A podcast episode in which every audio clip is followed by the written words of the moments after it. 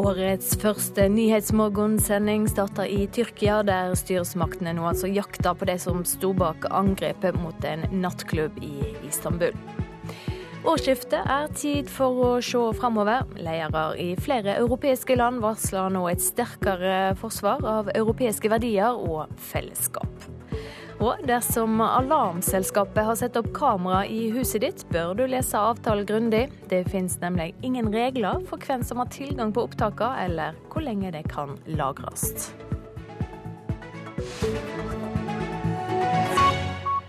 Riktig god morgen i studio i dag, Silje Sande. 39 mennesker ble drepne, de fleste av de utlendinger, under terrorangrepet mot nattklubben Reina i Istanbul natt til i går. I tillegg ligger minst 65 fremdeles på sykehus. Flere av de skal være alvorlig skadde. Utenriksmedarbeider Joar Ho Larsen, hva vet vi mer om hvem som kan stå bak?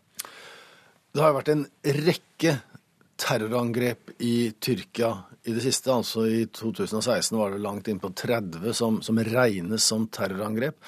Eh, dersom det medfører riktighet at eh, det tyrkiske arbeiderpartiet PKK sier at de ikke står bak, så er det klart at veldig mange da begynner å tenke i retning av den såkalte islamske staten, altså IS, som jo påtok seg ansvaret for mye av det som skjedde i, i Tyrkia i fjor.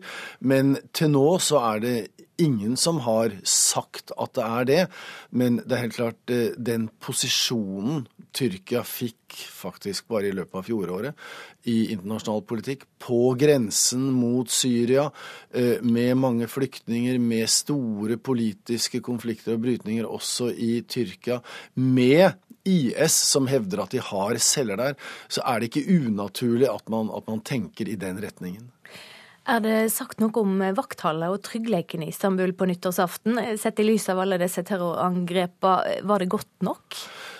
Altså Det kan jo selvfølgelig aldri bli godt nok. og Hvis det er som det ser ut til, altså at det var en, en enslig, en, en mann som opererte på egen hånd, mye tydeligere i hvert fall på det utenfor og inne i lokalet, hvem han eventuelt representerte og, og, om han hadde hjelpere. Men hvis det er én enkelt person, så er det klart at da er det mulig å slippe forbi vaktholdet. Det skal ha vært uendeligheter av væpnet politi i Istanbul nyttårsaften. Dette var et privat selskap på denne nattklubben, og han har altså da skutt seg inn der, drept to på inngangspartiet. Og da er det klart, da, da er det nesten ikke mulig å, å beskytte seg mot det. Eh, det gikk rykter om at uh, den amerikanske ambassaden satt inne med kunnskap om at denne nattklubben var et, uh, et utsatt mål, men der har amerikanerne nå sendt ut melding om at de hadde ikke noe som helst kjennskap på forhånd til at, til at denne Reina nattklubben var pekt ut som, som spesielt risikabel nyttårsaften. Mange av ofra var ikke tyrkiske. Hvorfor var det så mange utlendinger? Eh, for det første fordi at Tyrkia er et stort land, og det er veldig mange utlendinger der. Det, det er jo én forklaring.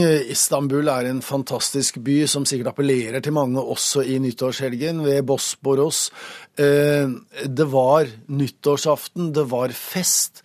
Eh, det var mange sekulære, spesielt muslimer der, fra land i regionen.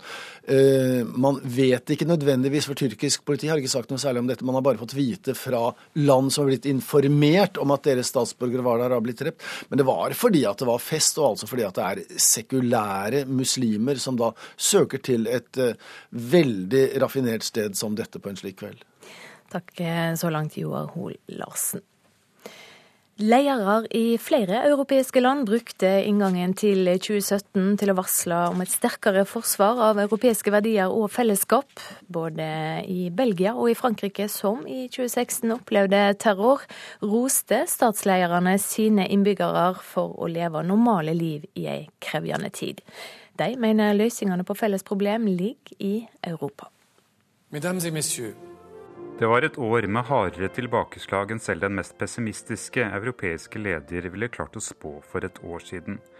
Da musikken fadet ut over bilder av Det kongelige slottet i Brussel, og Belgias kong Philippe tok oppstilling foran en opptent peis og et pent pyntet juletre, var det med særskilt omsorg for noen belgiere. Dronningen og jeg tenker på de som har mistet sine kjære, og særlig på ofrene for terrorangrepene i Brussel og på Savantem flyplass. Det siste året i Belgia, i Europa og andre steder i verden ble det sådd tvil om fremtiden. Et stort antall mennesker er bekymret for sin fremtid, inntekt og sin sikkerhet. 32 mennesker ble drept i terrorangrepene den 22. mars i Brussel. Kong Philippe kom også med et lite tilslørt politisk budskap og støtte til EU, da monarken sa han var imponert over hvordan innbyggerne taklet terroren og tiden etter angrepene. Særlig de som har rukket ut en hånd til de mest sårbare og minst privilegerte.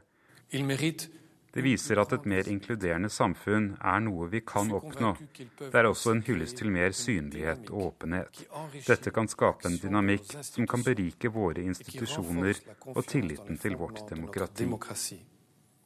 At dette skjer, er det jeg ønsker aller dypest fra mitt hjerte for vårt land og for Europa ved inngangen til 2017. For notre pays et pour l'Europe, en cette veille de l'année 2017. It was amazing, Incredible. like nothing we've ever seen. Just the, the lights and the fireworks and just being here among all the people, it was great. Litt under seks måneder etter terrorangrepene på nasjonaldagen i NIS den 14. juli var det på nytt folkefest. Mange tusen viste tålmodighet med strenge sikkerhetssjekker og kontroller. Og rystet, men ikke slått ut, gjorde franskmennene noe av det de er best på i verden. Triumfbuen ble lyssatt i en spektakulær bilde-, lyd- og fyrverkeriforestilling. Og i noen sekunder viste også den offisielle feiringen hva Frankrikes nåværende president og regjering mener er veien ut av problemene. Triumfbuen ble kledd i EU-flaggets blå farge og gule stjerner. Demokrati, frihet, sosiale rettigheter og til og med fred. Alt dette er sårbart. Vi så det med brexit. Vi så det med valget i USA i november. Vi har sett det på tvers av vårt kontinent med fremveksten av ekstremisme, sa president Francois Hollande til det som var hans siste nyttårstale før Frankrike til våren velger ny president. I historien er det perioder hvor alt kan endres dramatisk. Vi lever i en sånn tid, og om fem måneder må dere gjøre et valg. Det vil være et avgjørende valg for Frankrike, sa Hollande. Presidentvalget blir nesten like viktig for Europa. Meningsmålingene tyder på at det vil stå mellom den dypt verdikonservative Francois Fillon og lederen for Nasjonal Front, Marine Le Pen. Med Fillon blir Frankrike værende i EU. Med Le Pen vil britenes brexit få en oppfølger i form av en folkeavstemning om brexit.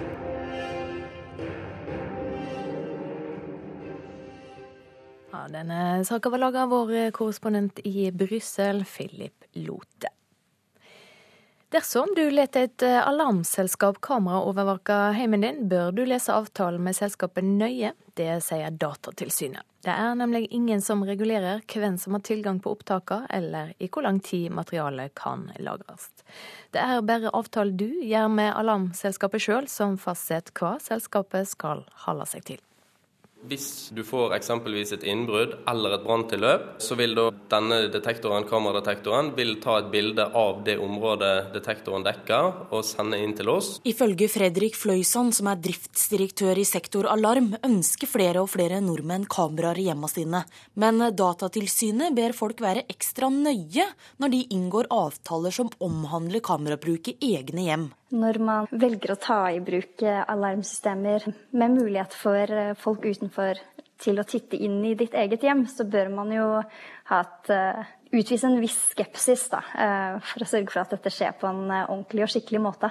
Det sier Ylva Marabel, som er juridisk seniorrådgiver hos Datatilsynet. Jon Wessel Aas er advokat med bl.a. medierett og personvern som felt. Han sier han er enig med Datatilsynet når det gjelder lovreguleringa på dette området. Som innebærer at det først og fremst er opp til hver enkelt å være bevisst på hva avtalevilkårene er. Og dette gjelder jo stadig flere duppeditter som vi har i hjemmene våre, som, som lagrer eh, bilder eller andre opplysninger om oss. Eh, på andre databaser. Tilbake hos Sektor Alarm forklarer Fløysand at bildene deres sendes rett fra kameraene, kryptert og inn til en alarmstasjon i Oslo. I alarmstasjonen hos oss sitter det alarmoperatører. Det er kun de som kan se bildene. Bildene ligger da i vårt lukkede nettverk der inne. Og vil være tilgjengelig for uh, operatør og politi i 21 dager, og bildene vil deretter bli slettet. Reporter Maria He Furulund. Så skal vi se på dagens aviser mandag 2. januar. Uten frykt for nedgangstider er nasjonens overskrift. Nordmenns framtidstru er solid, nær ni av ti tror på opptur eller stabilitet i egen økonomi. Det er et stort flertall for å holde på dagens fylke, ifølge Klassekampen. 57 av de, 57 av de spurte i en meningsmåling sier fylket de bor i ikke bør slås sammen med nabofylket. Og Adresseavisen skriver om kommunereformer. Einar Einan er ordfører i en av de minste kommunene i Trøndelag, Roan. Nå har han søvnløse netter før sammenslåing. Framtida til kommunen er avhengig av vedtak i nabokommunene og på Stortinget. Det kommer til å bli flere spontane hjelpeaksjoner, skriver Vårt Land. Forskere som har studert eh, Refugees Welcome, mener vi kommer til å se mer frivillig innsats basert på spontane tiltak og uformelle nettverk. Slapp av, du er god nok, står det på Dagsavisens framside. Det er sosiolog og forfatter Hans Erik Næss som tar et oppgjør med en hysterisk prestasjonskultur. Han har en klar budskap. Glem alle livets konkurranser. En måler ikke vennskap i førsteplasser. Dagbladet forteller hvordan økonomien din eh, endrer seg i 2017. Avisa presenterer en rekke nye regler som tar til å gjelde nå etter nyttår. Bergens Tidende skriver om en nervegift som dreper krepsdyr uten å etterlate spor. Giftkombinasjonen, som har vært mye brukt i oppdrettsnæringa, legger ikke igjen spor i dyra, og et råd om å forby giftblandinger blir avvist av regjeringa. Hytteeiere får nok, skriver Dagens Næringsliv. I flere hyttekommuner protesterer etablerte hytteeiere mot nybygging. På Sjusjøen har 3000 signert en protest mot 60 nye hytter.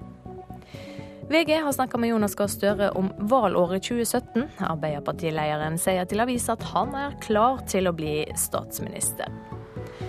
Og Aftenposten skriver om en tyrkisk tryggingsvakt som ble utsatt for to terrorangrep på tre uker. To uker før jul overlevde han angrepet mot en fotballarena. Nyttårsaften ble han drept i nattklubbmassakren skal vi ha sport. En av de aller største hoppbragdene i hoppveka. Det sier hoppkommentator Arne Skeie om sigeren til Daniel André Tande i nyttårsrennet i går. Tande sitter for norsk eh, hoppjubel da han sikra den 13. sigeren til Norge i nyttårshopprennet. Han klarte det! 3,2 poeng for en nyttårsgave til det hoppinteresserte og idrettsinteresserte norske folk! Arne Skeie må sies å havne i nettopp den kategorien. Som kommentator av utallige hopprenn rangerer han gårsdagens seier for Daniel André Tande høyt. Det blir vanskeligere og vanskeligere å, å vinne når man tar med VM og OL-gull og, og seire i, i verdenscupen, så er denne da en av de aller eh, største. For det å vinne i Garmis, det er utrolig stor prestisje. Tande hadde ikke vunnet i verdenscupen siden 2015, og for han var det også viktig å vise at hoppsporten ikke er en stor skygge i norsk idrett. Jeg håper jo å få skihopping mer populært hjemme i Norge, og jeg håper å kunne bidra til, bidra til, det. Det er jo en helt fantastisk sport, så jeg skulle ønske enda flere nordmenn eh, satte veldig stor pris på, akkurat sånn som nede her. Og Skeie mener gårsdagens seier til Tande også betyr mye for norsk hoppsport. Når vi ser på resultatene, så så føler jeg meg nesten tilbake til begynnelsen av 90-tallet, eh, før Trond Gøran Pedersen kom og ble trener og fikk hevet laget med Espen Bredesen og de andre. Alt som skjedde i 91-92-sesongen var jo veldig svakt. Og vi hadde nesten vært på det nivået hvis vi ikke hadde hatt en eh, Tande som hadde ligget helt der oppe og konkurrert med de beste i årets oppuke. Det sa Arne Skeie til reporter Fredrik Hansen. Du hører på Nyhetsmorgen i NRK P2 og Alltid nyheter. Klokka er 6.48. Tyrkisk politi leter etter de som sto bak terrorangrepet mot en nattklubb i helga. Fremdeles er ikke alle de drepne identifiserte. De 35 russiske diplomatene som ble utviste fra USA, landa i Moskva i natt. Russerne sender et spesial, spesialfly for å hente diplomatene og familiene deres. Og det er ingen som kontrollerer hva alarmselskapene gjør med bilder fra overvåkingskamera i huset ditt.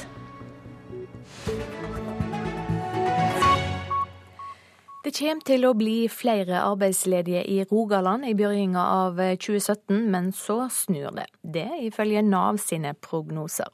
2016 ble et knalltøft år i oljefylket. En av de som fikk merke hvordan det er å være arbeidsløs, det var Bjørn Erik Poppe Thorsen.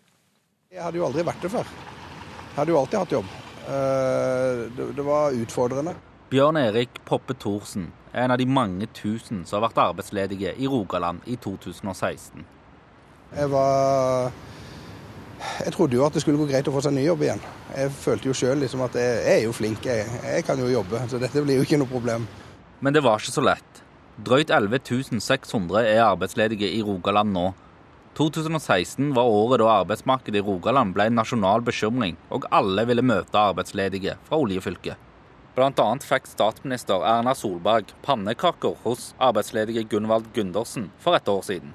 Det var veldig gode pannekaker, og veldig hyggelig å få lov å være her og besøke på en fredags ettermiddag. Kjekt også å høre om uh, hvordan man takler situasjonen når man blir permittert og ledig. Men har oppmerksomheten hatt noen effekt? Nav i Rogaland har sett på utviklingen i 2016 og lagd prognoser for 2017. De tror på en tøff start på året, men at ting skal gå bedre etter hvert. Så tror vi at ledigheten kommer til å bevege seg sakte, men sikkert nedover. Eh, slik at når vi runder desember 2017, så tror vi arbeidsledigheten kommer til å være på et litt lavere nivå enn det den var eh, i desember 2016.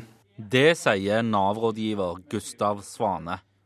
Nav regner med at mellom 11 og 12 000 vil være arbeidsledige i snitt gjennom året, men at antall ledige vil være 500-600 færre ved jul i 2017 enn det det var ved jul i 2016. Selv om vi tror at ledigheten kommer til å gå sakte, men sikkert nedover, og selv om eh, antall ledige stillinger er på et høyere nivå enn i 2015, så, har, så er arbeidsledigheten eh, i Rogaland eh, fortsatt høy sammenlignet med hvordan det har vært de siste ti årene. Det, det er viktig å understreke. Men Nav ser altså at det er flere jobber nå enn det var for et år siden, og det gir håp. Etter å ha vært av og på dagpenger i 13 måneder, fikk Bjørn Erik jobb i Industri Energi på tampen av 2016. Eh, et vikariat på 15 måneder, men eh, jeg vet i hvert fall det at jeg har 15 måneder med, med fast lønn og fast jobb å gå til. Og det var, det var en utrolig trygghet. Reporter her Syed Ali Shabbas Akhtar. Er TV-serier og podkaster som gransker ekte kriminalsaker, samfunnsnyttige eller ikke? Det er norske forsvarsadvokater usamde om. Sist ut i sjangeren eh, true crime er eh, NRK-podkasten Purk eller skurk. Den handler om eh, Eirik Jensen, politimannen som er tiltalt for å ha hjulpet Gjermund Cappelen med hasjsmugling i stor skala. Rettssaka mot Jensen begynner 9. januar.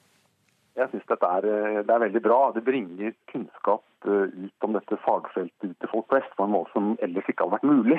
Det sier Marius Ditriksson, leder i forsvarergruppen i Advokatforeningen. Men hans kollega Benedikt De Vibe, som er Gjermund Cappelens forsvarer, ser annerledes på saken. Det er eh, mest underholdning. Det er uh, hverdagsunderholdning. Hverdagsunderholdning eller ikke, med podkaster og TV-serier som Serial og Making a Murderer har sjangeren fått mye oppmerksomhet. Sist ut er NRK-podkasten Purk eller skurk om den tidligere politimannen Eirik Jensen. Han er tiltalt for å ha hjulpet Cappelen med å smugle store mengder hasj inn i Norge. Men hva liker folk egentlig best, fiksjon eller virkelighet? Vi spurte folk på gaten i Oslo. Nei, det er jo krim basert på virkelighet, da. Krim som er basert på virkeligheten. Eh, virkelighet, helt klart. Det er mye mer interessant når man vet at det er noe som kan hende i virkeligheten, syns jeg. Det er litt lettere å sette seg inn i det hvis det er basert på en sann historie. Da. Jeg tror for det aller meste at eh, for 99 av 100 så er dette ren underholdning. Ifølge forsvarsadvokat De Vibe er problemet med kriminalsaker at sannheten ofte ikke kommer frem i media. Jeg eh, følger ikke noe med på eh, krimstoff i avisene. Og det er ikke bare egne saker, men når jeg ser hvor feil mange ting er i de sakene jeg kan noe om, så regner jeg med at det er akkurat tilsvarende når det er referat fra andre typer saker, og da er det ikke så veldig interessant uh, verken å lese eller se på. Dietrichson sier at det er viktig at folk er kritiske til det de ser og hører. Og at det uansett er bra når journalister går kriminalsaker i sømmene. Sannheten tåler et sterkt søkelys. Sannheten tåler motargumenter. Så det at man løfter frem en sak og går i dybden, selv om det kan bli for ensidig, selv om det kan bli tatt dramaturgiske valg som er uheldige, og selv om den som lager programmet søker kanskje en story og lager kanskje en litt annen linje enn hva man kanskje objektivt sett burde ha gjort, selv om det er tilfellet, så tåler sannheten et kritisk søkelys. Um, og det å få folk flest anledning til å gå i dybden på saker som har allmennhetens interesse, det at man selv får vite hva som foregår i med etterforskning og pådømmelse, dette er bra. Til slutt eh, hørte vi Marius Ditriksson, leder i forsvarergruppa i Advokatforeninga, reportere Daniel Eriksen og Hanna Huglen Revheim. Mange etablerte artister er fremdeles svært glade i albumformatet, selv om strømmetjenesten har skapt et nytt lyttemønster der færre kjøper og lytter til hele album. Artister som Tønes, Thomas Dybdahl og Jan Ove kommer alle med nye plater i år, både på vinyl, CD og digitalt. Jeg tror faktisk jeg spiller en solo, det er jo enormt sjeldent. Ja, det, det er jo en sensasjon, nesten. Han er ganske sein solo, så det er ikke så, er ikke så vanskelig. med. det ble vel 71 minutt, den plata mi, så det er ganske kult. 15 låter. Det var så vidt han gikk inn på én CD. Det kommer som vinyl, det kommer som CD, det kommer digitalt. Det føles som en retro, gammeldags album. Disse tre har mye felles. De er alle musikere. De er pluss-minus 40 år. De er vel etablerte, prisvinnende artister. Og de kommer med nye album i år. Husker du den gamle kålen? Vi snakker om Tønes. Vi snakker om Jan Ove. Og vi snakker om Thomas Dybdahl. For selv om dette er musikken som det lyttes mest til akkurat nå Med 730 millioner strømminger på Spotify forsøker Frank Tønnesen fra Hauge i Dalane å nå ut til verden med sine underfundige viser på det vi før kalte for langspillplater. Ja, jeg syns det er veldig viktig. Altså For meg så er det det føles mer sånn skikkelig når du går i studio og lager ei plate. Tønes kommer først med en EP i februar før albumet sesong fire kommer på vinyl, CD og digitalt etter sommeren. Og det tenker jeg på når, når de artistene jeg liker, blir nesten litt sure hvis de kommer bare med sånne EP og sånn, sånn som jeg skriver nå. Altså, altså, jeg føler liksom at det blir litt snytt hvis de ikke kommer med et album, liksom. Det er jo litt annerledes nå når du kan spille inn en sang én dag, og så hive den ut på YouTube neste dag. Thomas Dybdahl har 15-årsjubileum som plateartist i år, og feirer med sitt sjuende album The Great Plains, som kommer i slutten av februar, med ti nye sanger. Men jeg trives veldig godt med å lage album på den måten, for jeg syns det, det, er en litt sånn større oppgave. på en måte. Men nå vet jeg jo at nå sitter det noen og hører på og tenker ah, Gamle mann. og så tar de jo av til slutten. Heller ikke Jan Ove, med etternavnet Ottesen, har tenkt å hive seg på elektronikatrenden for å nå ut til ungdommen i sitt post Kaizers-liv som soloartist. Nå trykker de på en knapp, så er showet i gang. Så er det bare spørsmål om hvem har kjøpt flest raketter så de kan fyre opp på refrenget. Det, det, er ikke det vi holder på med. Vi lager bra musikk, bra album og bra liveshow. Det kommer tilbake ned. Imens så øver vi bare. Jeg er sikker på Du må bare lage god musikk til slutt. Det er det det handler om. Er det godt nok, så får det seg et liv. Altså det? Reporter Anette Johansen Espeland. Vi skal ha et eh, værvarsel som gjelder fram til midnatt. Østafjells opphold og en del sol, men skyer enkelte steder vest i Agder. Nordvestlig opp til frisk bris på kysten. Vestlandet sør for Stad får enkelte sludd- eller snøbyger, særlig første del av dagen, men eh, også litt sol. Sent i kveld kommer det nedbør inn fra vest. Det blir nordvestlig liten kuling på kysten av Rogaland først på dagen, eller stort sett frisk bris. I fjellet spredde snøbyger lengst vest og nord, ellers opphold. Møre og Romsdal og Trøndelag nordvestlig opp til frisk bris. Minkende i Trøndelag, noen snøbyger, men lite nedbør nord i Trøndelag. Nordland nordlig frisk bris, som minker. Enkelte snøbyger, vesentlig i ytre strøk. Troms og Finnmark får det meste bris mellom nord og øst, av og til frisk bris på kysten. Enkelte snøbyger, særlig i ytre strøk øst for Nordkapp og sør i Troms. Spitsbergen østlig liten kuling utsatte steder. Spredd snø, men til dels fint vær. Så har vi temperaturlista fra klokka fire. Svalbard lufthavn og Kirkenes hadde begge minus ti. Vardø minus to, Alta minus tolv, Tromsø-Langnes minus sju. Bodø minus to, Brønnøysund og Trondheim-Værnes minus én grad. Molde hadde null. Bergen-Flesland minus én. Stavanger pluss én. Kristiansand-Kjevik minus tre. Gardermoen minus to. Lillehammer minus fire. Røros, der har vi ikke fått inn temperatur i dag. Oslo-Blindern, der var det målt minus tre grader klokka fire i dag.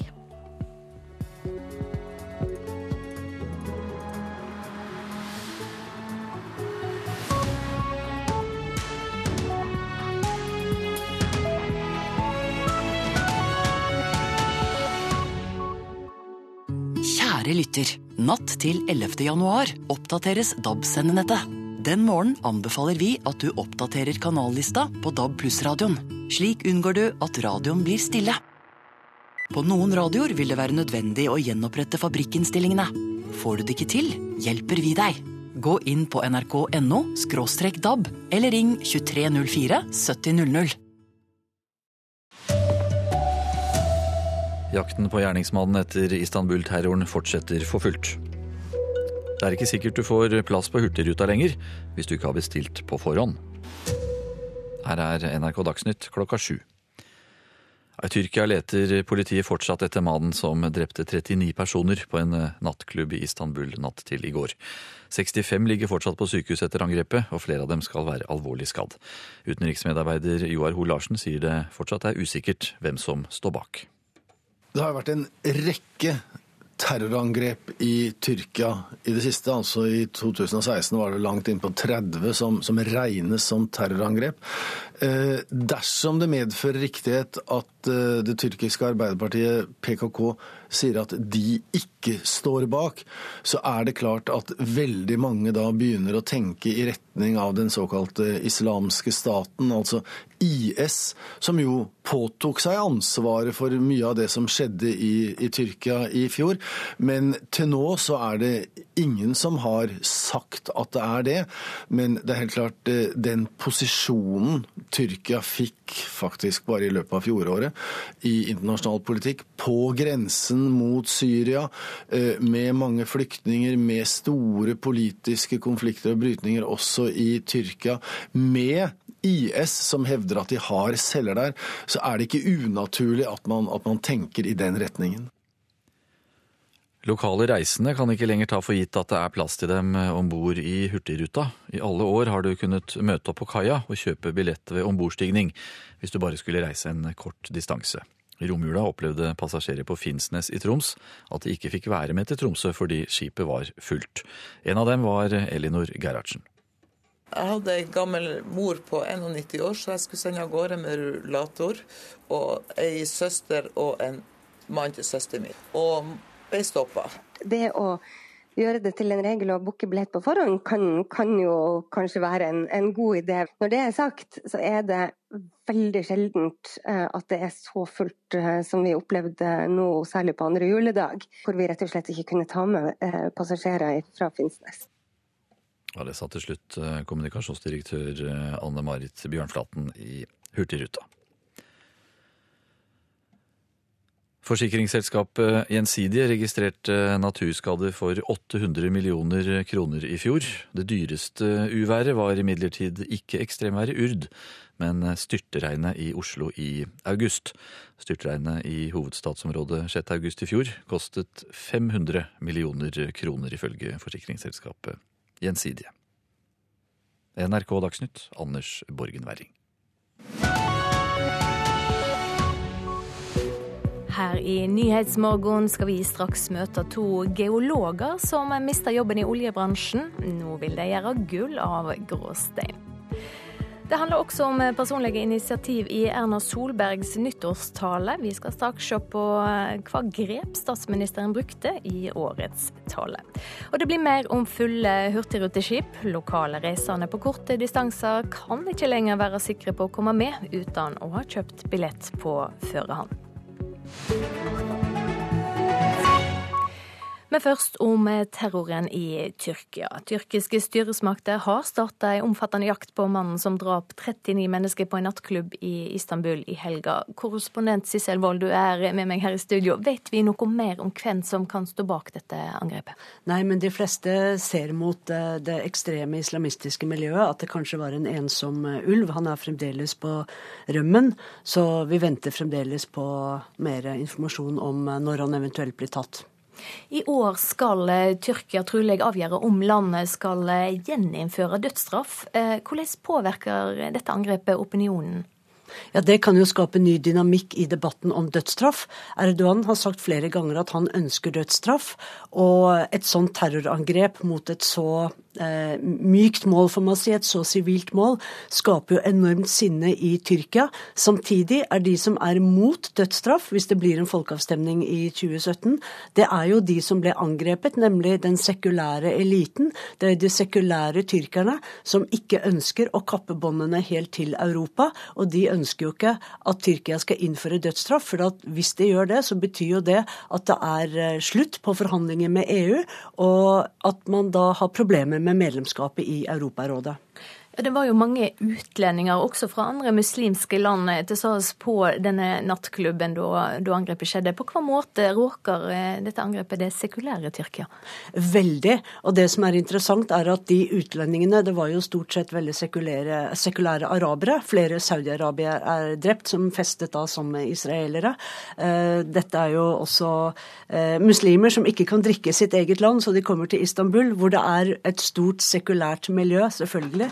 Eh, men eh, dette terrorangrepet er jo også et uttrykk for eh, det som vi kaller clash between civilizations, altså det religiøse og det sekulære. Og dette er spenninger som bare øker og øker i Tyrkia.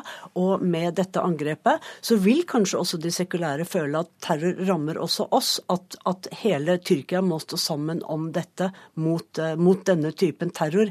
Og det som er viktig, er at uh, Mehmet Gömes, som er sjef for det øverste, altså direktoratet for religion i Tyrkia, en veldig mektig mann, han sa i går at et angrep mot et gudshus eller en basar er like alvorlig som når et uh, sekulært fornøyelsessted blir angrepet. Styresmaktene har jo sparka over 10 000 offentlige ansatte etter det mislykka kuppforsøket før sommer. Hva konsekvenser kan dette få for tryggheten i landet? Ja, det ser vi kanskje nå. fordi at den mannen som ble drept som skulle passe på dette stedet, var en 21-åring. En veldig fersk politimann som bare hadde vært ti måneder i jobben. Sånn at det er veldig mange politifolk som har fått sparken. Nye har kommet inn. Og tyrkiske medier stiller spørsmål i dag om hvorvidt sikkerhetstjenestene er godt nok koordinert etter kuppforsøket, hvor det var store utrenskninger i politiapparatet. Takk så langt, korrespondent Sissel Wold. Dobbelt så mange gründere fikk i 2016 dagpenger fra Nav for å starte selskap, sammenlignet med året før. To av dem har store visjoner om å gjøre gull av gråstein, og før jul fikk prosjektet deres millionstøtte fra Forskningsrådet. Geolog Astrid Jæger Kvassnes vil skape arbeidsplasser som landet sårt trenger. Vi har mye stein å ta av. Vi håper jo egentlig at ikke vi skal skape en bedrift, vi håper vi skal skape en bransje. Etter mange år i oljebransjen mistet de jobben i Bergen og Stavanger sommeren 2015. Men det ble en ny start for geologene Gild Klausen og Astrid Jæger Kvassnes. Ideen er å gjøre gull av gråstein og skape mange bærekraftige arbeidsplasser. Det heter replug. Store mengder CO2 kan lagres i Nordsjøen, men det forutsetter at den klimaskadelige gassen ikke lekker ut igjen. Og det vi ønsker å gjøre, er å lage en bedre tetting av alle disse rørene som ligger gjennom eh, steinen i Nordsjøen. Og På den måten så kan eh, Norge gå ifra å være en produsent av CO2 til å være en konsument av CO2, og dermed sørge for at eh, havet ikke stiger og at det går bra med jorden. Dr. Jeger Kvassnes vil plugge gamle oljebrønner med stein i stedet for sement, og gjøre det billigere. Vi skriver konsortieavtale sammen med Sintef og Forskningsrådet, for så eh, driver vi med et eh, etablererstipend fra Innovasjon Norge. Og videre så har vi patenteringsarbeid som vi jobber sammen med Gassnova for å lage produktet vårt. Da. Men for å nå så langt fikk de dagpenger fra Nav for å etablere selskapet Restone, sier gründer Jeger Kvassnes. Vi er jo ikke 25-årige gutter som kan bo på madrass sammen med åtte andre. Vi har et ekte liv, liksom. Og det er jo det som er så fint med disse ordningene gjennom eh, Nav. At det er mulig å et, leve et nøkternt, men noenlunde normalt liv mens man starter opp en bedrift. Det er kjempebra. Her er det jo to arbeidsledige damer med mye kompetanse som nå bruker det til å starte egen virksomhet. Det gjør de jo bl.a. fordi de nå kan eh, lettere kombinere dagpenger med det å starte egen virksomhet. Man kan gå lenger på dagpenger mens man eh, starter opp, og man er forenkla. Eh, og det er jo veldig bra å se at så mange nå benytter seg av anledningen, og at de klarer å starte opp bedrifter. Arbeidsminister Anniken Hauglie hadde dobbelt så mange gründere på dagpenger i fjor som året før men bare vel 300 totalt. Men vi vet jo at det er mange som går med en gründer i magen. Og mange av de som led, blir ledige nå, det er jo ingeniører og andre som eh, er litt eh, kreative. Mange ønsker å, å gjøre det. og vi eh, er opptatt av å legge til rette for at de som eh, har en god idé og som ønsker å starte for seg selv og etablere jobber, at de skal få eh, større mulighet til det enn før. Og nå er det jo også veldig stor økning i antall gründere. Det skapes jobber som aldri før, og det er positivt. Man skal ha godt med erfaring og være vant til industrikrav hvis en skal redde klimaet, plugge oljebrenner på sokkelen, bruke stein som restavfall og tjene penger på det samtidig. Men det går jo an å tenke litt sånn som Pippi sier Astrid Jeger Kvassnes. Det har vi aldri prøvd for, det får vi sikkert til. Og så viser det seg jo at voksne mennesker kan jo veldig mye rart som de kanskje ikke gjør til dagen, men når du gjør et forsøk, så går det jo helt greit. Reporter Hedvig Bjørgum. Å heie fram personlige initiativ fra enkeltpersoner var hovedbudskapen til statsminister Erna Solberg i hennes nyttårstale. Hun nevnte flere mennesker som har inspirert henne i 2016. Gründere, forskere og en av Oslos bussjåfører fikk stor plass i statsminister Erna Solbergs nyttårstale. Vi må ha arbeidsplasser nok, og flest mulig i arbeid. Det har Aisha Ali Mohammed tatt på alvor. Hun er trebarnsmor og Oslos første kvinnelige somaliske bussjåfør. Hun har utfordret holdninger i sitt miljø om at kvinner skal være hjemmearbeidende. Hun har fått kritikk for at hun gjør en manns arbeid, og for at hun bruker bukser.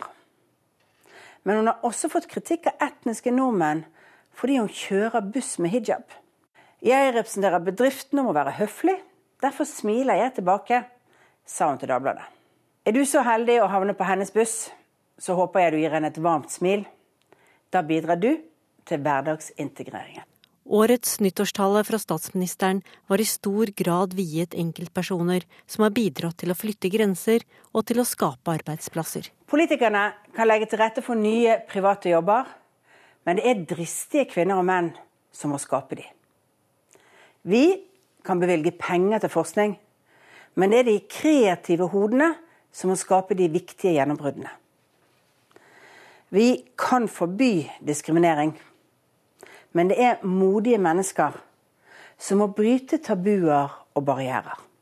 Reporter her Marianne Løkkevik Ekeberg. Velkommen til oss, Kjell Lars Berge, professor i retorikk og språklig kommunikasjon ved Universitetet i Oslo. Hva er inntrykket ditt av statsministerens nyttårstale?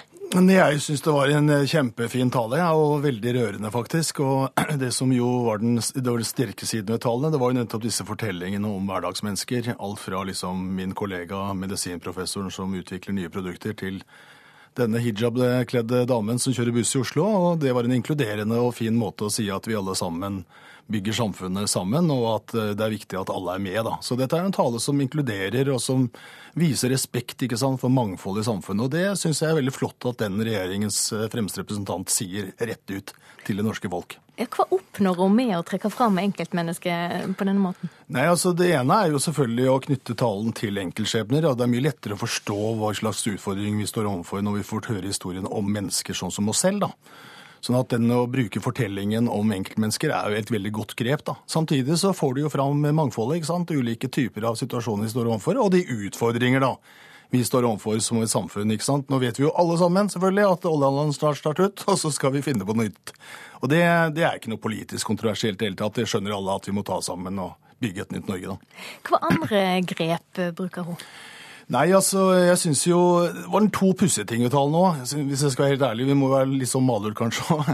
Eh, innledningen syns jeg var veldig pussig, hvor hun på en måte ber litt om unnskyldning til Kina. som jeg synes, altså det, det, er liksom henvendt til den kinesiske ambassaden og til liksom den kinesiske utenriksdepartementet. Jeg syns den var litt pussig i en norsk nyttårstale til det norske folk. da.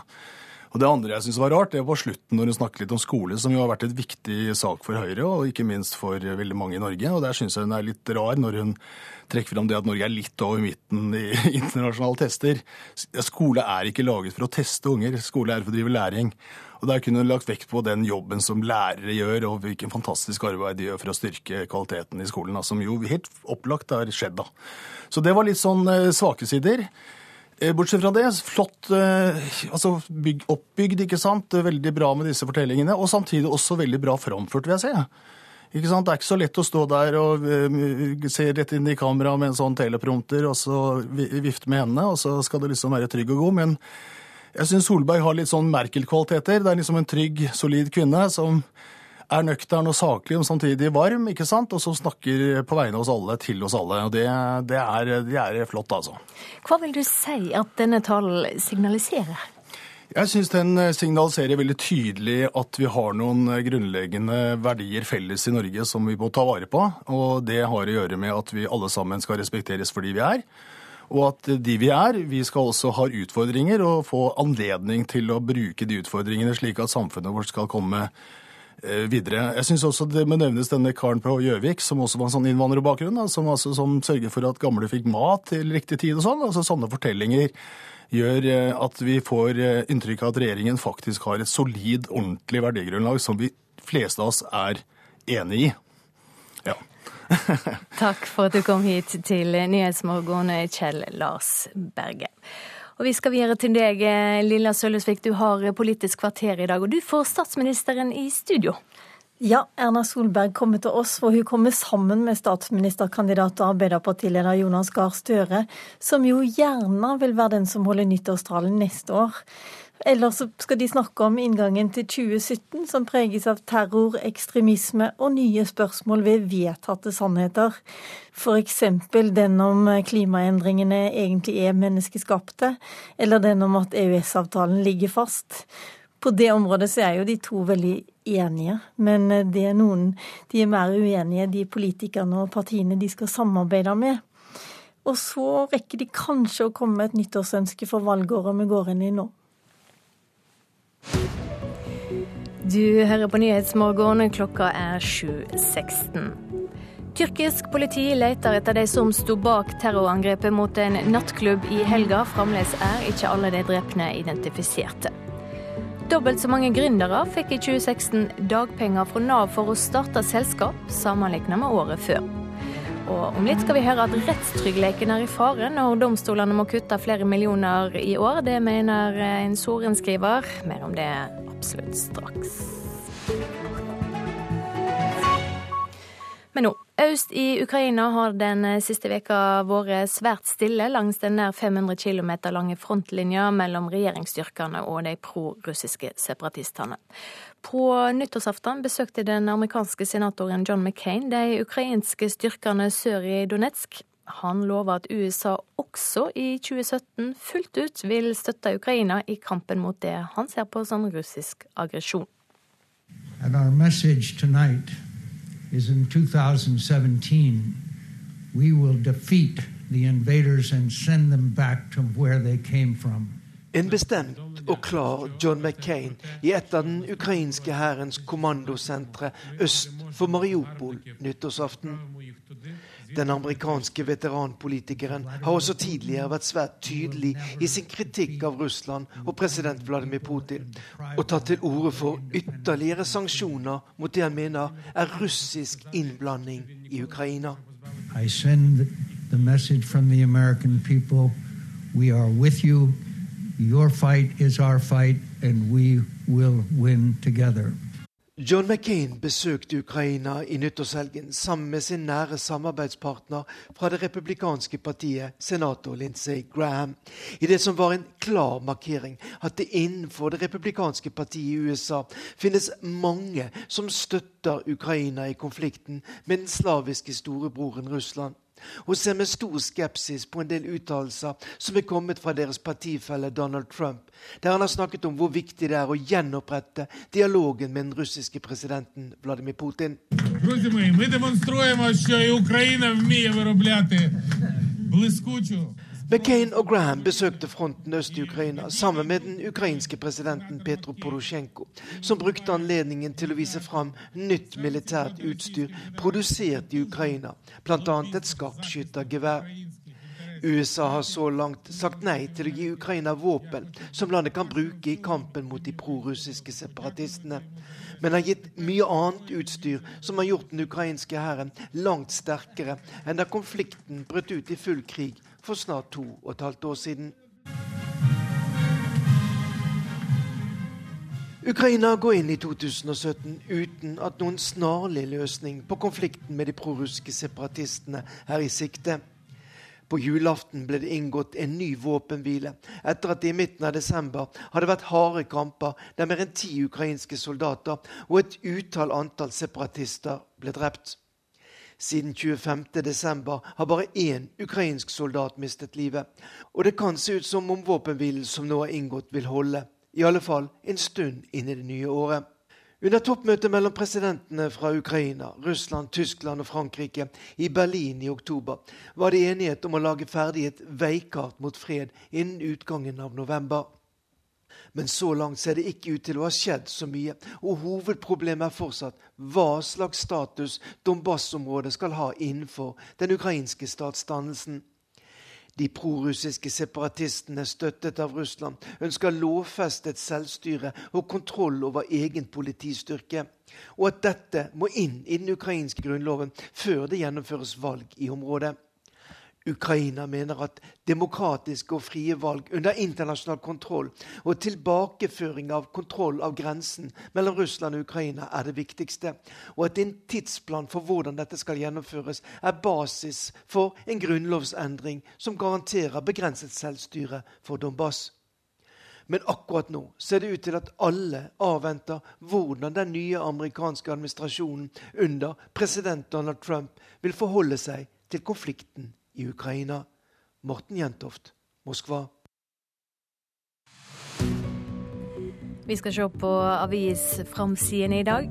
Uten frykt for nedgangstider er nasjonens overskrift. Nordmenn si er solid. Nær ni av ti tror på opptur eller stabilitet i egen økonomi. Det er et stort flertall for å holde på dagens fylke, ifølge Klassekampen. 57% av de spurte i en meningsmåling sier fylket de bor i ikke bør slås sammen med nabofylket. Senterpartilederen advarer regjeringa mot å haste gjennom reformer. Adresseavisen skriver om kommunereforma. Einar Einane er ordfører i en av de minste kommunene i Trøndelag, Roan. Nå har han søvnløse netter før sammenslåing. Framtida til kommunen er avhengig av vedtak i nabokommunene og på Stortinget. Det kommer til å bli flere spontane hjelpeaksjoner, skriver Vårt Land. Forskere som har studert Refugees Welcome, mener vi kommer til å se mer frivillig innsats basert på spontane tiltak og uformelle nettverk.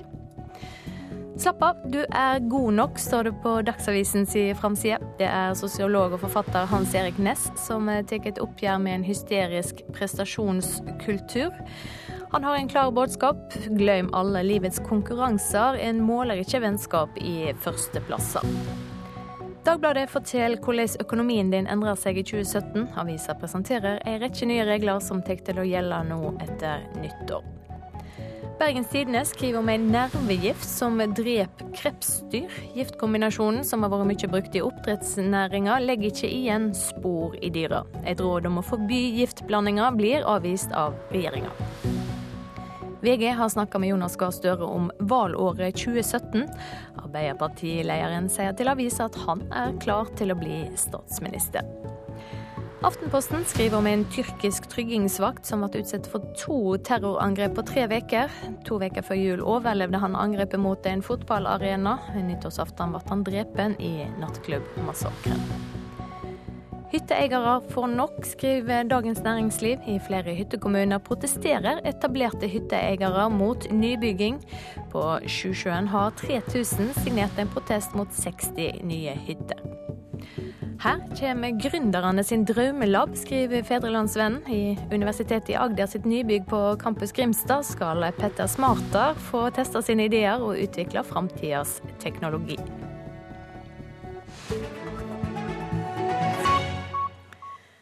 Domstolene må kutte rundt 16 millioner kroner i 2017. Dersom en dommer slutter, blir ikke stillinga automatisk lyst ut.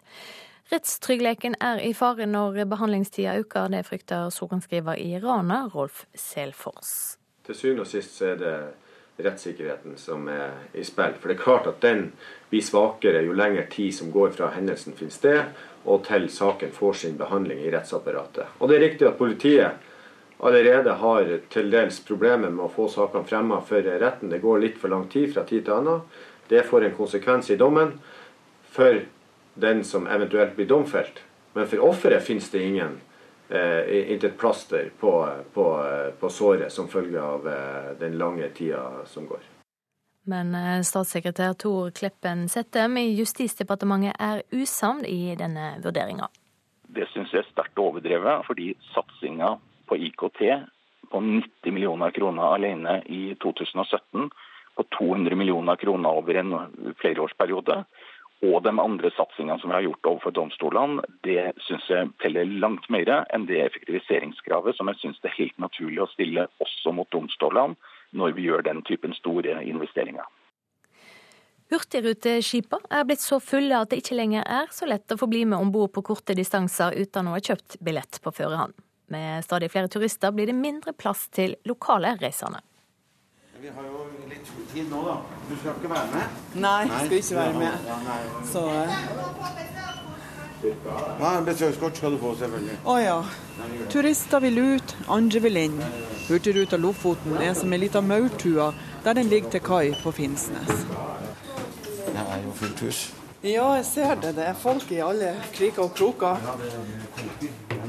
Petter Overå er hotellsjef om bord på Lofoten, og på hels med alle passasjerene.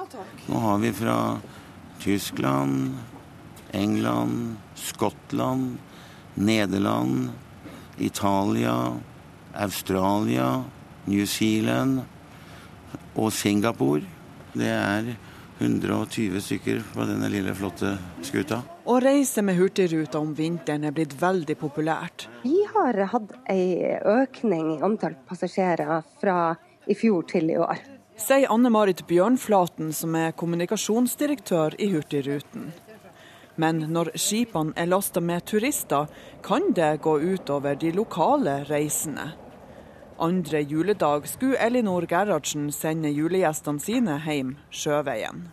Jeg hadde ei gammel mor på 91 år, så jeg skulle sende av gårde med rullator. Og ei søster og en mann til søsteren min skulle av gårde. Og ble stoppa. Men har du noen gang opplevd det før å ikke få plass? Aldri opplevd det. Og reist mange ganger. Vi ringte Hurtigruta den dagen og spurte om hun var i rute, og fikk ja. Og ingen beskjed om at den var full. Det å gjøre det til en regel å booke billett på forhånd kan jo kanskje være en, en, god idé hvis man ønsker å være sikker på at uh, man får uh, plass med Hurtigruta. Men når det er sagt, så er det veldig sjeldent uh, at det er så fullt som vi opplevde nå, særlig på andre juledag, hvor vi rett og slett ikke kunne ta med passasjerer fra, fra Finnsnes.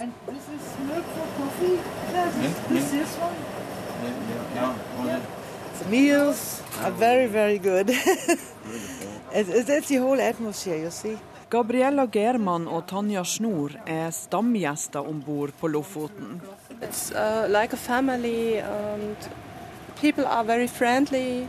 The crew is very friendly and you know where everything is. And I like it. It's a ship and not a hotel. On this ship, seven times maybe. Oh. and before I've been not every mostly in springtime. So before I've been in Nordstern, Harald Jarl, og Nord-Norge. The old one. so you really love Norway? yes, and every every time it's different, of course. Never the same. Nå skal jo vi ha en nyttårsaften rett foran oss, og den skal vi ha oppe i Båtsfjord. Og så skal vi seile videre mot Bergen, og er i Bergen 5. januar. Og da bytter vi mange passasjerer, men vi går allerede da nordover med nesten fullt belegg. Nesten fullt belegg på en januartur. Og da er stort sett veldig jakten på nordlyset. Da vil de oppleve nordlyset, og det er jo veldig interessert i denne turen òg, da. Det venter vi jo på. Det har vi ikke hatt enda. Det er mye spørsmål om nordlys, og vi har sagt at det, kommer nok i kveld.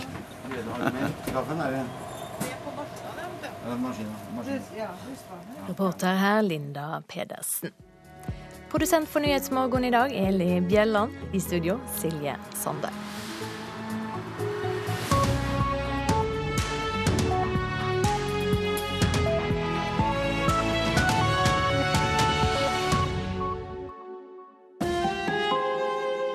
Hør ekko. Gapet mellom de som har og de som ikke har, økte i 2016. De rike blir rikere, og de fattige blir fattigere, også i Norge. Hvem er de som taper, og når er det forskjellen mellom folk blir så stor at det brister? Ekko 9 11 i NRK P2.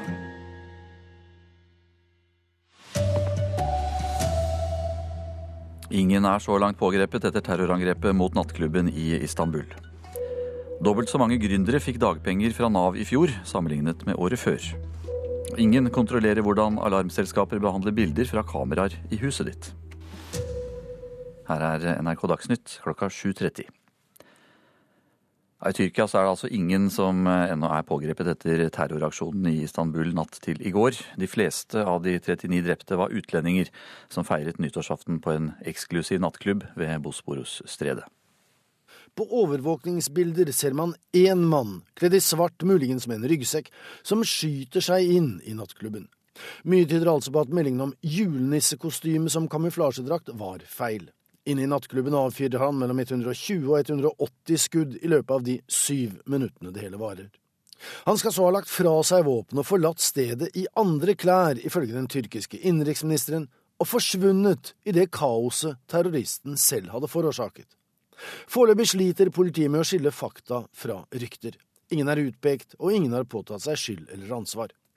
2016 var et ekstremt voldelig år for Tyrkia, som i tillegg til engasjementet i nabolandet Syria med en enorm flyktningestrøm, opplevde et trettitalls terroraksjoner og et kuppforsøk. Det sa utenriksmedarbeider Joar Hoel Larsen. Korrespondent Sissel Wold, jakten fortsetter altså. Hva vet vi nå om hvem som kan stå bak terrorangrepet? Ikke mye, bortsett fra at alle spor peker mot at det er en ekstrem islamist som hater alt denne nattklubben sto for, hvor de drakk alkohol, de festet, folk danset sammen, det mest sekulære stedet du kan tenke deg. Og så vet vi også at Departementet for religion, religionsdirektoratet i Tyrkia, oppfordret eller sendte ut en en bønn, et opprop til fredagsbønnen før nyttårsaften, hvor man tok kraftig avstand fra nettopp nyttårsfeiring, fordi at dette er en sekulær eh, kristen tradisjon. Nå har det vært mange terrorangrep i Tyrkia det siste året. Hvor god er eh, sikkerheten i landet? Det er et veldig godt spørsmål, fordi etter kuppforsøket 15.07 i år, i fjor, så mm, tok jo Erdogan og regjeringen og avskjediget mange tusen um, politifolk. 13 000 politifolk ble sagt opp. Innenfor militæret og domstolen og sikkerhetsapparatet ble mer enn 100 000 mennesker oppsagt. Det betyr at veldig mange av de som er erstattet, de er veldig unge folk. Og denne politimannen som sto vakt utenfor eh, Raina nattklubb, han var bare 21 år, skriver tyrkiske medier. Han hadde bare vært ti måneder på jobb, så han var uerfaren. I likhet med kanskje mange andre politifolk som har erstattet de som ble sagt opp. Hvordan blir eh, dette angrepet omtalt eh, av tyrkiske myndigheter? Statsminister Benali Gildrum sa i går at terror er terror, og at vi har et felles problem med veldig mange andre land. Så han, han sier at dette er jo en felles kamp mot terror. Men i Tyrkia så er det jo forskjellige typer terror. Det er PKK-terroren eh, fra det kurdiske arbeiderpartiet, som er eh, basert på en intern politisk konflikt. Kurderne ønsker mer selvstyre. Denne terroren mot en sekulær nattklubb på nyttårsaften har mye mer merke til IS eller IS-ideologi, altså det vi kaller clash between civilizations, eh, det ekstreme islamske miljøet mot det sekulære miljøet. Takk skal du ha, korrespondent Sissel Wold. Tallet på gründere her hjemme som fikk dagpenger fra Nav for å starte bedrifter, økte kraftig i fjor. For halvannet år siden mistet geologene Astrid Jæger Kvassnes og Gild Klausen jobben i oljebransjen. Før jul fikk de millionstøtte av Forskningsrådet for ideene sine. De to sier hjelp fra Nav var god drahjelp da de skulle bli gründere. Vi har mye stein å ta av. Vi håper jo egentlig at ikke vi skal skape en bedrift, vi håper vi skal skape en bransje. Etter mange år i oljebransjen mistet de jobben i Bergen og Stavanger sommeren 2015. Men det ble en ny start for geologene Gild Klausen og Astrid Jæger Kvassnes. Ideen er å gjøre gull av gråstein og skape mange bærekraftige arbeidsplasser. Det heter replug. Store mengder CO2 kan lagres i Nordsjøen, men det forutsetter at den klimaskadelige gassen ikke lekker ut igjen. Og det vi ønsker å gjøre, er å lage en bedre tetting av alle disse rørene som ligger gjennom eh, steinen i Nordsjøen. Men for å nå så langt fikk de dagpenger fra Nav for å etablere selskapet Restone, sier Gild Klausen. Det er akkurat sånn det kanskje bør være òg. Det skal jo ikke være noe hvilepute, men det skal gi en veldig god drahjelp, og det er jo det det er. Veldig god drahjelp som faktisk varer et helt år. Ja, det er kjempebra. Her er det jo to arbeidsledige damer med mye kompetanse, som nå bruker det til å starte egen virksomhet. Arbeidsminister Anniken Hauglie hadde dobbelt så mange gründere på dagpenger i fjor som året før. Men bare vel 300 totalt. Men vi vet jo at det er mange som går med en gründer i magen. Og mange av de som led, blir ledige nå, det er jo ingeniører og andre som eh, er litt eh, kreative. Mange ønsker å, å gjøre det. og vi Eh, er opptatt av å legge til rette for at de som eh, har en god idé og som ønsker å starte for seg selv og etablere jobber, at de skal få eh, større mulighet til det enn før. Reporter her, Hedvig Bjørgum. Og gründerne, det var også tema i statsminister Erna Solbergs nyttårstale. Hun kommer til Politisk kvarter i dag sammen med Arbeiderpartileder Jonas Gahr Støre. Det skjer i P2 og Alltid nyheter kvart på åtte. Hvis du lar et alarmselskap eh, kameraovervåke hjemmet ditt, bør du lese avtalen med selskapet nøye, det sier Datatilsynet. Det er nemlig ingen som regulerer hvem som har tilgang på opptakene, eller i hvor lang tid materialet kan lagres. Det er eh, bare avtalen du gjør med alarmselskapet selv som fastsetter hva selskapet skal forholde seg til.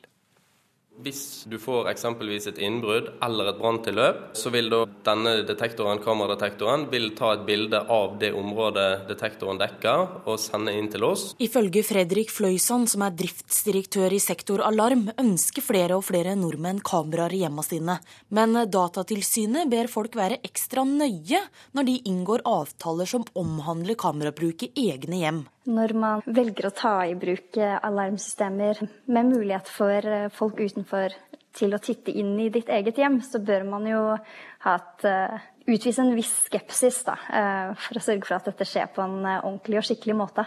Det sier Ylva Marabel, som er juridisk seniorrådgiver hos Datatilsynet. Jon Wessel Aas er advokat med bl.a. medierett og personvern som felt.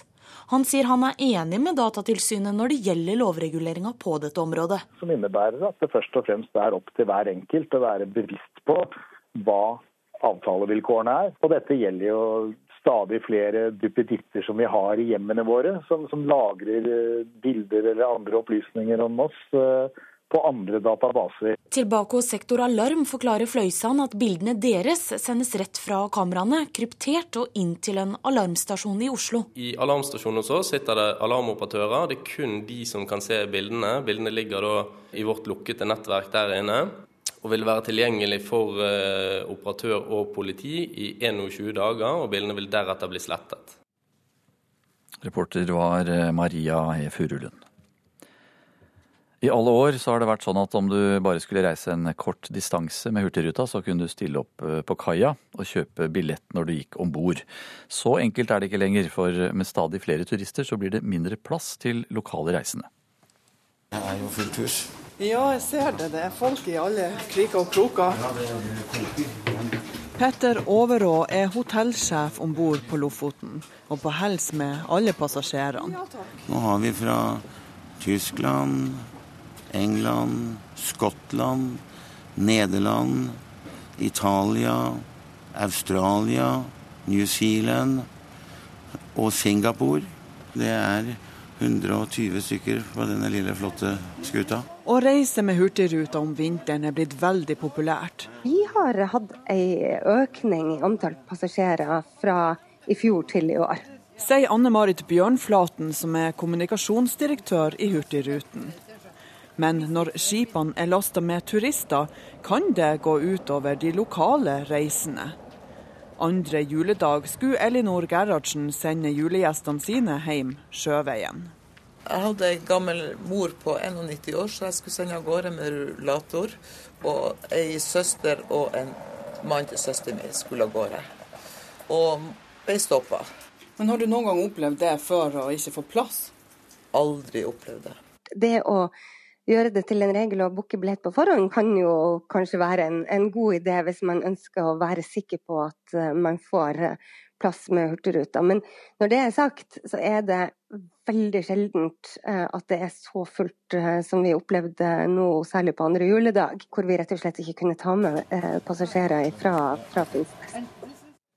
Sa Anne Marit Bjørnflaten i Hurtigruta til slutt her. Reporter var Linda Pedersen.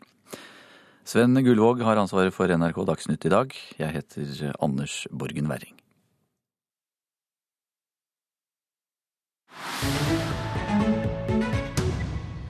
Ja, vi har gått inn i et uh, nytt år, men det er ennå uvisst hva vi her i nyhetsredaksjonen kommer til å fylle våre sendinger med. Men noe blir det, og noen kommer uten tvil til å markere seg. Det er ingen hemmelighet. Amerikansk utenrikspolitikk blir ikke den samme i 2017. Den cubanske journalisten Pedro Laoz har en hel verden med seg når han sier at valget av Trump har skapt en del usikkerhet. La elección de Donald Trump plantea grandes interrogantes. Ikke bare i forholdet til Cuba, men atomavtalen med Iran går et usikkert år i møte. Nord-Korea og Mexico, Kina og Venezuela med flere, kanskje også Nato, bør forberede seg på overraskelser. Men internasjonalt har mange viktige aktører, kanskje av den litt røffere typen, som Tyrkias president Erdogan, den russiske utenriksminister Lavrov og Israels ustanselig boligbyggende statsminister Benjamin Netanyahu, sagt at de ser frem til å samarbeide med Donald Trump. Israel looks forward to working with President-elect Trump and with the American Congress, Democrats and Republicans alike. Men det er viktig å minne om at verden, også i 2017, vil gå sin skjeve gang, helt uavhengig av hvem som sitter i Det hvite hus. Naturkatastrofer vil kreve tusenvis av menneskeliv, og beklager, men også i 2017 vil det bli dødelige terrorangrep i flere europeiske byer. Kanskje i forbindelse med de tre mest interessante valgene i Europa i 2017. Frankrike, Nederland og Tyskland, der interessen først og fremst knytter seg til hvor godt de høyrenasjonalistiske partiene kommer til å gjøre det, eller om de etablerte, som Angela Merkel, har justert kursen i innvandringspolitikken nok til å demme opp for fremmedfrykten. Nicht alle der insgesamt rund 890.000 Menschen, die letztes Jahr gekommen sind, können und werden bleiben. Dessverre kommer mediene også i 2017 til å underdekke konflikter som Jemen og Kongo, sultkatastrofen i Sahel-beltet og borgerkrigen i Sør-Sudan, overgrepene mot rohingya-folket i Myanmar, forfølgelsen av pinsevenner i Eritrea, attentat mot annerledes tenkende i Pakistan og diskriminering av jøder over hele verden. Men Martin Luther kom vi ikke utenom, 500 år etter at han slo opp noen kritiske setninger på en kirkedør i Tyskland. In nearly 500 years ago, an unknown monk from a backwater town in Germany, he set in motion a movement that would literally transform Western civilization. His name was Martin Luther. Et ørlite fredshåp er tent i Syria med romjulens våpenhvile og utsikter til fredssamtaler. Men det er langt frem og mange skjær i sjøen. Det samme kan sies om Irak og kampen mot IS, med enorme folkevandringer og tragiske flyktningskjebner som konsekvens og utfordring. Det er lett å være enig med Russlands president Vladimir Putin. Det er vanskeligheter i store deler av verden, med mange konfliktområder, nye og gamle. Мы знаем, как складываются непросто отношения во многих регионах мира. Количество проблемных горячих точек не уменьшается. Men aller mest interessant dette året som så vidt har begynt, det er det vi ikke engang aner kommer til å skje, og derfor ikke kan si noe om. Ja, Det sa reporter Joar Hoel Larsen. Du hører på Nyhetsmorgen. Klokka nærmer seg 8.45. Tyrkisk politi leter etter de som sto bak terrorangrepet mot en nattklubb i helga. Fremdeles er ikke alle de drepne identifiserte. Ingen kontrollerer hva alarmselskapene gjør med bilder fra overvåkingskamera i huset ditt. Les avtalen med selskapet nøye, er oppfordringa fra Datatilsynet. Dobbelt så mange gründere fikk i 2016 dagpenger fra Nav for å starte selskap, sammenlignet med året før. Rettstryggheten er i fare når domstolene må kutte flere millioner i år. Det mener sorenskriveren i Rana. Han frykter en økning i sakshandsamingstida. Og 2016 ble det aller varmeste året på Svalbard i de snart 100 åra det har vært værmål, værmålinger der. Nå er det klart for Politisk kvarter, programleder Lilla Sølhusvik.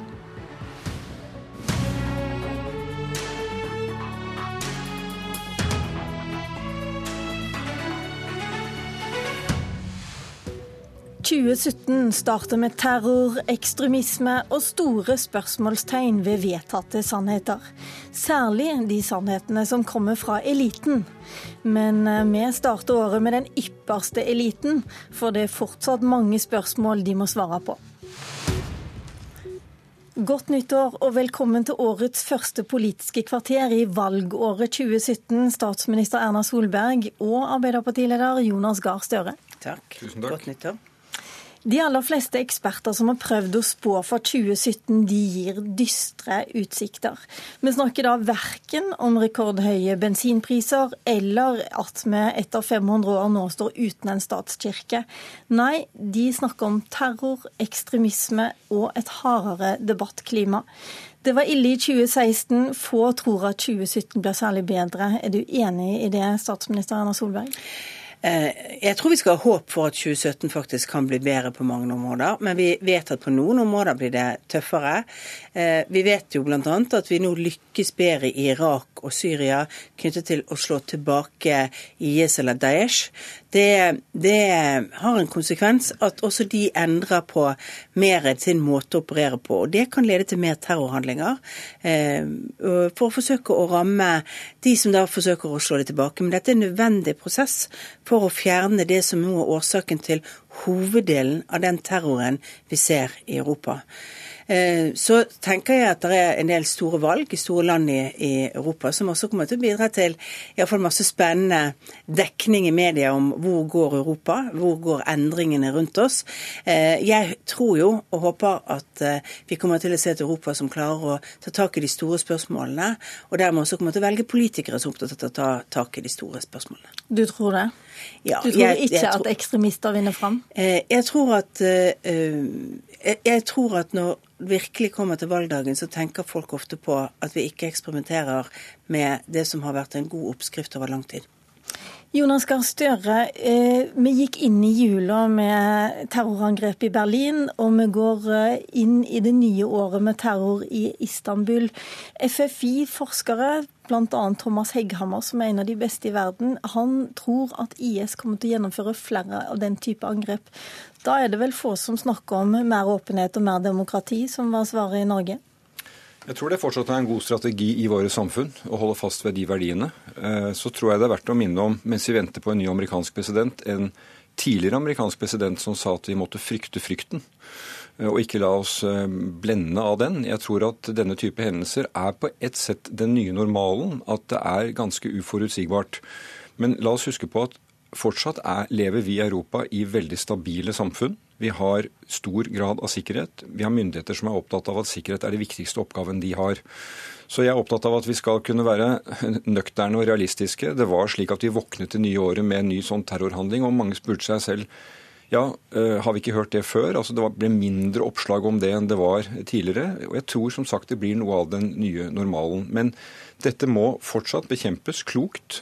Noe skjer ute på en slagmark, må møtes militært. Eh, og så er det forebyggingen hjemme. Og er Norge beredt?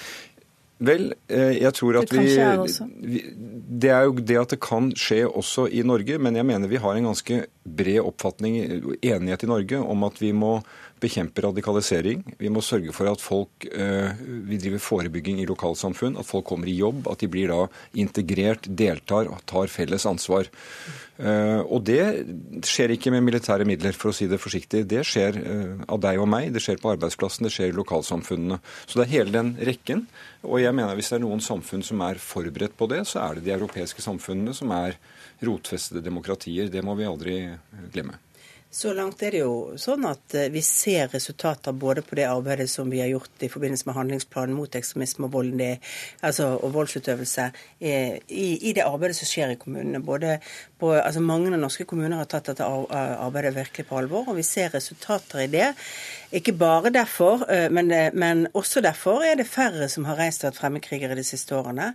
Det er også sånn at PST har jo flere rettssaker gående knyttet til hjemvendte personer. Bedre, så det skjer ganske mye arbeid på det. Ehm, men vi må være klar over at vi lever i en, en, sikkerhetssituasjon hvor det kan skje noe i Norge. Eh, det var litt høyere temperatur rundt det for to år siden. Nå er det litt lavere, men, eh, men, vi må hele tiden ha med oss den risikoen at noe kan skje. Men en del av de nettverkene som var i Norge, har hatt betydelige tilbakeslag pga. den innsatsen som har vært gjort fra mange myndigheter. Med går også inn i et år der man stiller mye spørsmål ved, eller altså nye spørsmål ved vedtatte sannheter. Om 18 dager så får vi en eh, president i USA som er skeptisk til alt fra datamaskiner til menneskeskapte klimaendringer. Og på det siste så er han jo enig med landets nye justisminister Erna Solberg skal vi i 2017 få en ny og større debatt om hvorvidt klimaendringene skyldes menneskeskapte utslipp? Nei, det tror jeg ikke. Eh, bare for de som ønsker å dyrke den debatten. Regjeringens plattform er helt klar. De mener at den er menneskeskapt. Eh, det er også Frp for øvrig sitt program. Mener at det er menneskeskapte klimaendringer. Vi har en politikk for å møte det. Så det er bare i den grad man ønsker å holde liv i en diskusjon om gamle uttalelser. Men, Men nå er det, er det jo noe... en del i regjeringspartiet Frp som ønsker å holde liv i den type uttalelser, og de ønsker å endre det partiprogrammet. En av de er vel Amundsen, som har sagt i her i jula at han var han står fast ved det han har sagt. Men han har også sagt at han står helt fast på regjeringens eh, grunnlag. Og det er det regjeringens politikk er noe annet, og det er grunnlaget for denne regjeringen. Det er grunnlaget for de fire partiene som samarbeider bak en regjering, eh, som var grunnlaget for, at du, for, for den både samarbeidserklæringen og, eh, og Sundvolden-plattformen.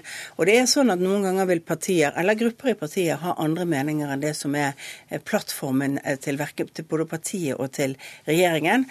Men vi kan bruke mye tid på den diskusjonen, eller så vi bruke mye tid på å diskutere hva gjør vi faktisk for å få ned klima, klimautslippene. Eh, kan vi få en, en mer eh, ordentlig debatt farlig å bruke ord ordentlig, men en debatt som skiller f.eks. mellom de målene vi må ha for å gjennomføre for kvotepliktig sektor, og de målene vi har for å gjennomføre ikke-kvotepliktig sektor. Ekstremt viktig at vi nå passer på at det er forskjellige strategier på de to områdene. Og den strategien vi har på ikke-kvotepliktig sektor, den skal også sørge for at vi får ned mye utslipp i Norge. Jeg skjønner at du vil ha den. Sektor, mm. ja, det er viktig å snakke om dette, for kvotepliktig sektor handler også om hele spørsmålet om Norge skal være en industrinasjon for fremtiden. Mm. Og det eneste partiet som vil kutte mindre enn Fremskrittspartiet i sitt alternative budsjett, det er din samarbeidspartner Senterpartiet, Jonas Gahr Støre. Eh, de diskuterer for så vidt ikke menneskeskapte eller ikke klimaendringer, men de har jo gjort mye narr av, av Frp, som har gått inn for høyere bensin- og dieselavgifter. Ser du for deg at det skal bli noe problematisk å komme fram til noe enighet eh, med dem? Ja, får de svare for, for sine egne fremlegg av alternative budsjetter, men det de var opptatt av, var jo at mye av det debatten gikk om i fjor høst, var ikke de store spørsmålene for å få ned klimautslippene. Og det er jeg enig i, for da gikk det da om denne bilpakken, som var en veldig, veldig liten del av det. Men eh, tilbake til ditt spørsmål, så tenker jeg at det at folk stiller spørsmål ved etablerte sannheter, det er jo ikke negativt. Det at vi får en debatt om hvordan verden henger sammen, det er ikke negativt i demokratier. Jeg ville jo være urolig selv, og tror jeg aldri ville vært særlig lystig på å ha i min regjering folk som var uenig i at klimaendringene var menneskeskapte. Eller en finansminister som er uenig i at politikken har som mål å få ned forskjeller i samfunnet. Sånne verdier teller hos den som er statsråd og går på jobben hver dag. Det tror jeg er et viktig forhold. Men jeg tror vi skal vokte oss veldig når vi kommer inn i dette komplekse samfunnet vi lever i, både nasjonalt og internasjonalt, og si at folk som har meninger mot det som er vedtatt, er eh, altså faktafeil, og det er postfaktasamfunnet. F.eks. Europa, Europas utvikling. Det at det er diskusjoner om hvilken vei Europa går, hvordan handelsavtaler virker, tror jeg vi gjør veldig uklokt i, vi som tror at det er godt med handelsavtaler, å si at de som stiller spørsmål ved det, tar feil. For det er grunn til å stille mm. spørsmål, og da må vi også kunne komme opp med gode svar. Mm. Men jeg lurer jo på hvilke sannheter for dere to. Dere er jo for så vidt enige, dere er enige om klimasaken, retningen stort sett. Og dere er også enige om EØS-spørsmålet stort sett. Men jeg lurer på hvilke sannheter skal ikke diskuteres i forhold til de som samarbeider med dere? Solberg, jeg syns det er veldig, veldig forskjell på falske nyheter og det altså, hva er på en måte politisk korrekt å diskutere, og hvilke argumenter. Det er, jeg er veldig enig med Jonas i en ting, og det er at vi må ikke legge lokk på at folk må få lov å stille de åpenbare spørsmålene hvis ikke de forstår, ikke er enig. Det er jo en måte virkelig å skape avstand mellom beslutningstagere, embetsverk, politikere og, og andre folk som kanskje ikke eh, detaljmessig kan så mye eller går inn i det. Også om de sitter i regjeringen, ja, ja, så må de stille de spørsmålene? Eh, nei, men altså, det, også, det må være mulig å ha andre meninger i Norge og ikke bli, bli, bli, satt i bås med det som er falske nyheter. Men spørsmålet falske, er også hvis man sitter i regjering? Ja, altså hvis man sitter i regjering, så, så, må man stå på det som er regjeringsplattformen. Men falske nyheter dreier seg om nyheter som er usanne.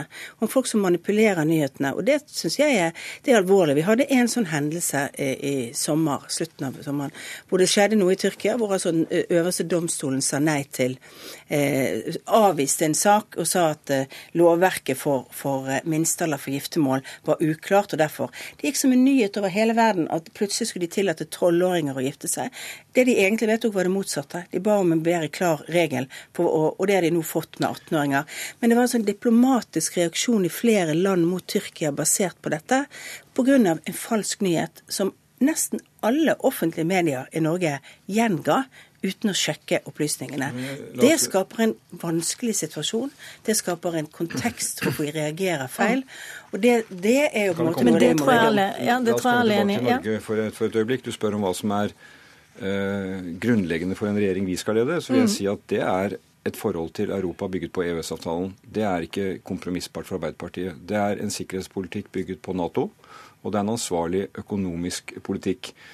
Og det er at vi skal bekjempe klimaendringene alle sammen, basert på at de, er menneskeskapt, og det må vi ta tak i. Og der tror jeg faktisk man men ikke skal Men da vet du jo at både SV og Senterpartiet ja. ønsker en debatt nå om EØS-avtalen. Jo, men jeg sier at en debatt om EØS-avtalen er helt greit. Og jeg, jeg syns det er greit å sitte i en regjering med statsråder som er skeptiske til deler av EØS-avtalen. Vi gjorde det i åtte år, og vi reagerte godt på den avtalen. Og det er viktig å ha diskusjoner om Hvor det. Hvor setter jeg, du grensene da? Nei, og jeg mener også at vi skal kunne ha rom for å se på hvordan, altså, hvordan bruker vi handlingsrommet vårt under EØS-avtalen. Hva kan vi gjøre for å forbedre den? Men som jeg sa, det, det teller hvilke holdninger du har med inn. og Jeg vil heller ha en debatt internt i en regjering om EØS enn å ha som Erna Solberg har, i en regjering, en finansminister som sier at det er ikke politikkens jobb å bekjempe forskjeller, eller du har en justisminister som står og sier at han tror ikke på menneskeskapte klimaendringer. For det teller når du går inn for å gjøre jobben på en fundamentalt område. Det betyr at det ikke teller hvis du er EØS-motstander eller Nato, men det teller hvis du mener noe annet på klima. Jonas, dette henger ikke på grep, jo, for å være helt ærlig. Det, det Nei, det henger på grep med hvis, ikke, hvis du definerer da hva, hva, som er korrekt å mene noe annet om, og hva du mener skaper spenninger og bra diskusjoner i regjeringen, men det gjør det ikke på andre områder, så er det sånn at vår regjeringsplattform er helt klar på disse tingene. Vår regjeringsplattform er klar på EØS, det er klar på, på klimaspørsmålene. Og det er ingen statsråder i denne regjeringen som er uenig i at det er det som er det arbeidet de legger ned. Og faktisk vil jeg si at det er bare Fremskrittspartiets statsråder som virkelig har vært, vært blant de mest ambisiøse på sine sektorer knyttet til klima. Både samferdselsministeren og tidligere olje- og energiminister har virkelig jobbet opp disse spørsmålene som gode, viktige saker innenfor sitt område. Jeg lurer på en ting. Dere er uenige om fordeling av skatt, men har gått sammen i et skatteforlik. Dere har gått sammen i et asylforlik og har stort sett samme takt og retning i klimapolitikken. Hvordan skal velgerne se forskjell på dere to? Jeg mener det skal de se forskjell på i det verdigrunnlaget vi står for, som er litt annerledes enn det Arbeiderpartiet står for. Eh, vi står for på borgerlig side i stor grad for å jobbe med sammenhengen mellom dynamikken mellom offentlig og privat sektor, hvor vi vet at flere av jobbene må skapes i privat sektor. Da har vi skapt et bedre klima både for gründere, vi har skapt et bedre klima for uh, å starte nye bedrifter. Vi er nødt til å sørge for at privat eierskap i Norge også styrkes, for det, det må være noen som skal bidra med kapital, ikke bare staten, inn i disse nye bedriftene mm. og jobbene som vi skal ha for fremtiden. Betyr det Støre, at du ikke kunne hatt den nyttårstalen som Erna Solberg holdt i går, der hun heier på gründerne og nettopp de private arbeidsplassene? Problemet for Erna Solberg er at det skapes ikke jobber i privat sektor. Under vår regjering ble to av tre nye jobber skapt i privat sektor. Under denne regjeringen kommer alle nye jobber i offentlig sektor. La meg gi forskjeller mellom våre to regjeringer. Den jeg skal lede, og den hun nå leder. Ja, men la meg nå si Det Det ene er at det er ulik syn på forskjeller. Skal politikken virke for å få ned forskjellene? Det mener vi ja til. Det er ulik syn på arbeidsmarkedet. Denne regjeringen innfører mer midlertidighet eh, på jobb. Vi vil ha større trygghet på jobb.